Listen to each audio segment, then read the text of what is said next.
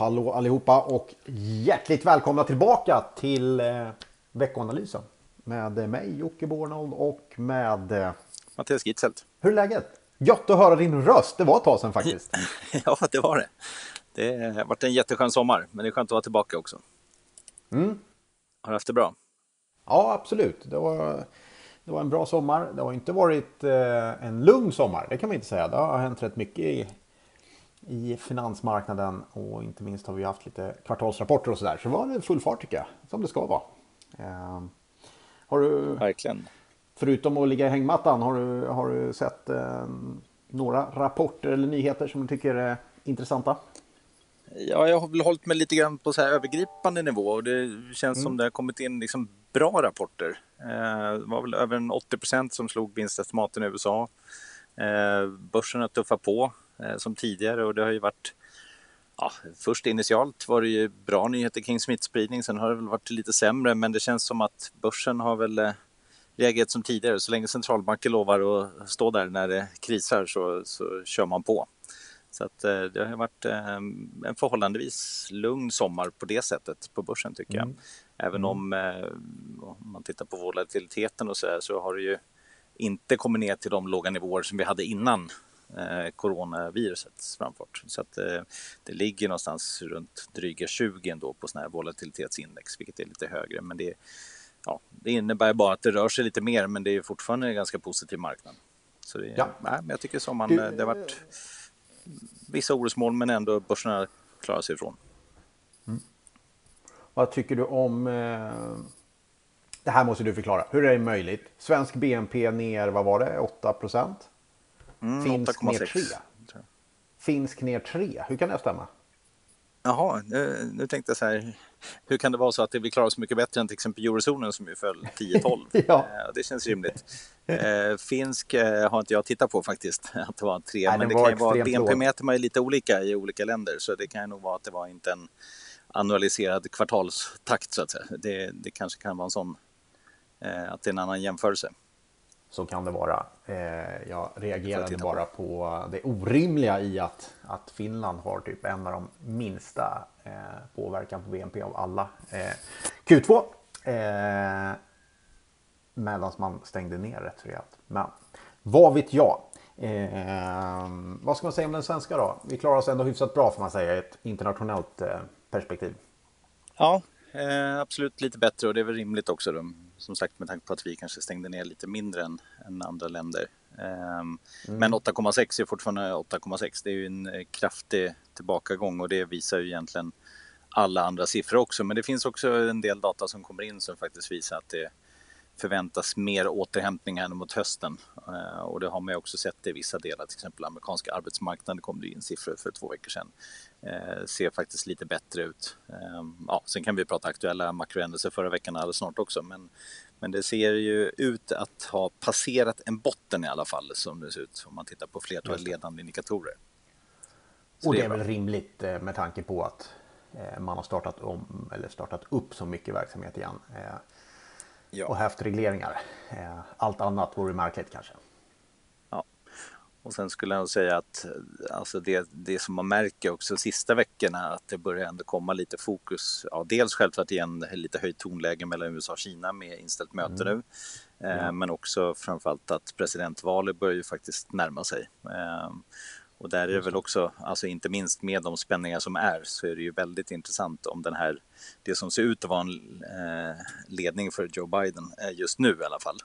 Eh, så väldigt intressant att se vad, vad det blir när vi närmar oss valet lite mer. Och många tror väl att om det skulle vara så att det blir en Biden-seger så innebär det också kanske att man skulle dra tillbaka de skattelättnader som har gjorts så att det kanske blir något mindre aktiemarknadsvänlig politik. Så vi får se om det kan få en påverkan på, på börsen då. Men eh, hittills så, så verkar ju börsen ändå hålla uppe väldigt, väldigt väl och S&P 500 är ju närmare, ganska nära toppnivåer faktiskt.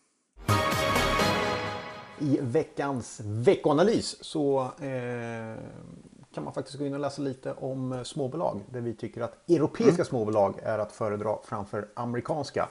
Eh, och det är vår kollega Linda Ryd som har kikat lite på det.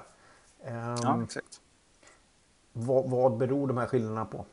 Ja, nej, precis. Vi har också agerat lite i förvaltningen eh, i det och eh, höjt exponering just mot, mot småbolag i Europa och i Asien. Och, eh, man kan ju tro att amerikanska småbolag klarar sig väldigt bra eh, för att amerikanska börsen går starkt.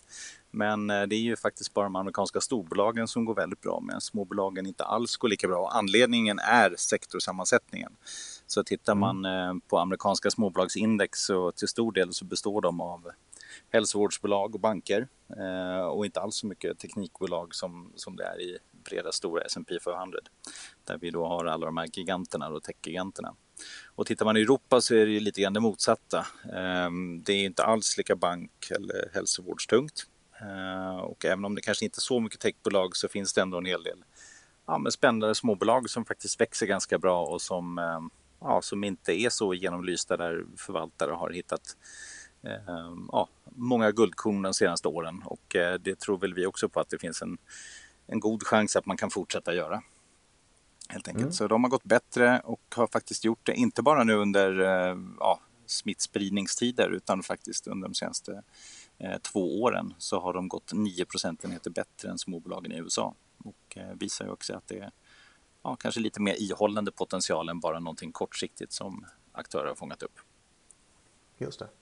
Och det här är väl en sån komponent som är ganska naturlig för en, en, professionell förvaltare. Men för en privatperson så tror jag man missar ofta småbolag. Trots att det är den delen av eh, börsen som historiskt gett högst avkastning. Ehm, man kanske oftast hamnar i en global fond eller man hamnar i en, i en eh, Sverigefond eller vad det kan vara. Men i småbolagen tror jag man missar många gånger faktiskt. Eh, och det är ganska synd. Inte minst därför att avkastningen historiskt i alla fall har varit eh, betydligt bättre där än på, på de stora indexen eller de stora bolagen. Absolut, alltså om man tittar rent akademiskt så finns det ju massa studier som visar just den här småbolagseffekten att småbolag faktiskt går bättre än, än, stora bolag över tid. Och det känns ganska naturligt också. Det är små bolag som ofta växer mer men samtidigt finns det också naturligtvis risker. Eh, och så blir det ofta så också, framförallt i, i bra tider så kan ju de Eh, utgör objekt för uppköp och annat också. Så att, eh, de har kanske inte samma namn, det är inget Volvo eller Ericsson och det är kanske inte självklart att man vill köpa dem som enskilda aktier men, men att äga till exempel en småbolagsfond är ju mycket bra som komplement om man nu är i övrigt kanske en aktieinvesterare. Tycker jag. Yes, du eh, förra veckan eh, tyckte du det hände något spännande. Vi fick en vicepresidentkandidat, Kamala Harris. Eh, Just det. det är sånt där som brukar bli en stor nyhet men som ingen bryr sig om sen. Därför Nej. att eh, eh, de hamnar alltid i skymundan de eh, vicepresidentkandidaterna förstås. Ju, när, ju närmare valet man kommer desto också blir allt större fokus på själva presidentkandidaterna. Men eh, likväl så, så, så har vi eh, fått en sådan. Eh, Lite bättre att vinstsentiment också bland analytikerna, lite mer positiva kanske? Mm, absolut, eh, skruva upp lite prognoser och så så att eh, får jobba i kapp börsen om man säger, analytikerna. Eh, mm. Och eh, det är väl inte orimligt att, eh, att vinsterna ska självklart också bli lite bättre än vad de har varit under det sista halvåret. Eh, så ja. det är bra med en sån positiv trend. Och sen har det ju kommit lite makrostatistik också och där är det ju samma sak pekar väl faktiskt på fortsatt förväntningar om en återhämtning. Så till exempel det tyska SEV-index som mäter tyska investerares och analytikers förväntningar på ekonomin. Det, där finns det en förväntanskomponent och den steg till 71,5, väntat var 58. Så det är ju faktiskt bra, samtidigt som den här nulägeskomponenten i det indexet var lite sämre än väntat då i och för sig. Så att ehm, ja, eh, det och inflationsstatistik var faktiskt också lite högre än väntat. Ehm, tittar man på industriproduktion så kom den i alla fall eh, in i linje med förväntningarna i USA, kanske lite sämre i, i Kina och EMU. Eh, och eh, detaljhandeln fortsätter att växa även om det var lite mindre väntat. Men jag tycker ändå det ser ut att vara eh, en liten stabilisering. Men sen vet vi också om, eh, vi läser i tidningarna varje dag, att smittspridningen faktiskt i vissa delar i världen ökar igen. Och eh, nu när man börjar stänga ner lite områden i till exempel Spanien igen, och så risken är naturligtvis att, att det kan påverka tillväxten även eh, under hösten. Eh, och då får man väl se hur länge börsen står ut med, med, med nedstängda ekonomier som inte växer. Mm. Om det inte kommer nya stimulanser självklart. Just det. Finns det något eh, makrostatistikmässigt man ska hålla koll på den här veckan? Då? Eh, ja, det kommer lite preliminär inköpschefsindex. Eh, även där som sagt eh, väntas förbättras. Ehm, och tror jag också är en förutsättning för att, för att börsen ska orka. Eh, vad har vi mer? Eh, lite bostadsstatistik kommer i USA eh, från låga nivåer, en förbättring där också.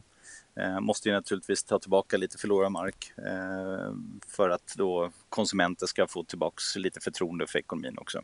Det är ju rent allmänt så konsumentförtroendet drivs ju av ett par saker. Det är ju både arbetsmarknad, bostadsmarknad och börsen skulle jag säga är väl de huvudsakliga faktorerna som ligger till grund. Så att eh, det behöver vi se en liten bättre utveckling på. Sen kommer Philly Fed Index som är en sån här tidig indikator för tillverkningsaktiviteten i Philadelphia-regionen. Eh, så det är väl ja, det som är att fokusera på den här veckan. Framförallt inköpschefsindex skulle jag säga. Mm. Jag har en liten spaning inför veckan. Ja, det är ingen spaning och spaning, men eh, man kan notera. Holmen eh, förra veckan kom ut med att man kommer eh, köra utdelning i höst. Eh, halverad mm. men ändå eh, utdelning. Idag, eh, när vi spelar in det här, så är det måndag och då kom Wallenstam med samma sak. En sänkt utdelning men ändå. Man försöker ha en extra bolagsstämma och rösta för utdelning under hösten. Nu lär ju det här komma. Det lär ju vara fler som försöker att få köra utdelning. Och jag tror faktiskt till och med att ja, det är väl inte omöjligt att bankerna också kommer göra ett försök.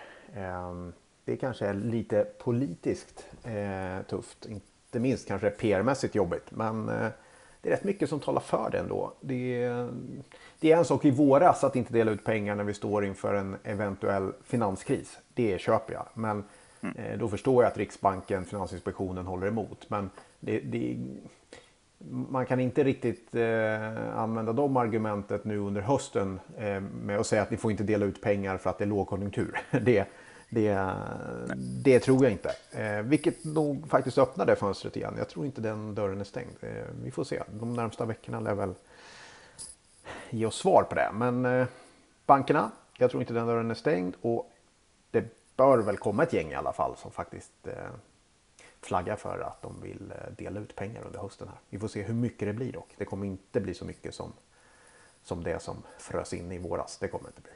Tror jag inte i alla fall. Du eh, annars, ja det är lite sommarstilte fortfarande på eh, Rapport och, och bolagshändelser. Mm. Men eh, på onsdag kan man ha lite koll. ICA kan ju vara intressant klockan sju. Eh, mm. Och eh, sen har vi en riktig småspararfavorit i form av Nibe klockan åtta. Det tycker jag man ska kika på. Eh, och sen är det lite smått och gott under veckan som kommer här. Eh, ska vi ta någon utländsk så kan man ju kika lite grann kanske på Alibaba, den kinesiska jätten som kommer på torsdag. Eh, någonting annat som vi ska ta upp? Ja, men jag brukar alltid ha någon liten eh, finding här i slutet. Mm. Men jag, jag, skulle säga, jag kikade lite på avkastningssiffror i år. Jag tycker det är alltid lite intressant mm. att kika på olika tidsperioder. Eh, och är det någonting faktiskt som har hänt, även om det har varit en ganska lugn börs under sommaren, så eh, är det ju att dollarn har fallit ordentligt. Ehm, mm. Så tittar man till exempel i lokal valuta, utvecklingen för amerikanska storbolagsindexet S&P 500, så är det på tre månader upp 19 procent. Ehm, tittar man i svenska kronor mätt så är det upp 5 procent. Så att, ja. Eh, det har faktiskt hänt en del. Så om man tittar på den handelsvägda dollarn som vi ofta tittar på, den, så är den på tre månader så är den ner 7 procent. Eh, så där har det faktiskt hänt och även mot kronan är det ju ännu tydligare. Mm. Dollar-kronan mm. 11,6 procent ner på tre månader. Så dollar-kronan står ja. på 8,7. Så där har det ju verkligen hänt något. Det måste man säga. Så, så om det här corona släpper så kanske man har råd att åka till USA igen? Ja, exakt. Ja, vad härligt. Ja, men där kan man ju verkligen se att den traden funkar hela tiden. När börsen är stabil och det vänder upp, då, då går mm. man ifrån de här säkra hamnarna lite. Ja. Samtidigt har ju faktiskt också, om man tittar på realränta allmänt har ju fallit, så det är något som har stigit starkt under sommaren, förutom börsen så är det ju fortsatt guld naturligtvis, men även överhuvudtaget råvaror, alltså oljan har ju återhämtat sig ganska bra. Eh, men är ju fortsatt ner i år. Men eh, ja, det är, det är en del intressanta rörelser skulle jag säga under sommaren. Mm. det där är ju, känns ju viktigt att, att också komma ihåg. Det är förstås att eh, faller dollarn eh, så, så stiger guldet. Eh, eh, Ja. Allt som prissätts i dollar tenderar att stiga förstås när, när dollarpriset sjunker. Så det är väl inte så konstigt också. Den korrelationen är ju tämligen stark. Ja, men grymt! Eh, det finns ju massa härliga siffror för den som vill eh, läsa mer i veckoanalysen. Det är veckobrev vi skickar ut. Eh, så det kan ni absolut gå in och kika på. Så finns det hur mycket data som helst där faktiskt. Bra! Känner vi oss nöjda då eller? Jag tror det. Bra! Terminens första podd är avklarad. Då säger vi tack så jättemycket. Så hörs vi nästa vecka helt enkelt. Tack som massmord Svärd dödar. Så var ni era kära mödrar. Och var ni era fäder med Därför partypatrullen och kräver det. Och våga inte stå där stilla med benet på väggen. Stå där och chilla. Då kommer discosnuten Bötfälla dig. Då får du discotruten Bötfälla dig Sexuell, straight eller transa. Och vi ska upp bland molnen. Varannan dag med nasse och en skål sen. Vi ska twista till svetten Lackar till polisen, juristen och rätten backar. Skiter i tiden och vad klockan slår. När vi revar hela dygnet så långt vi förmår.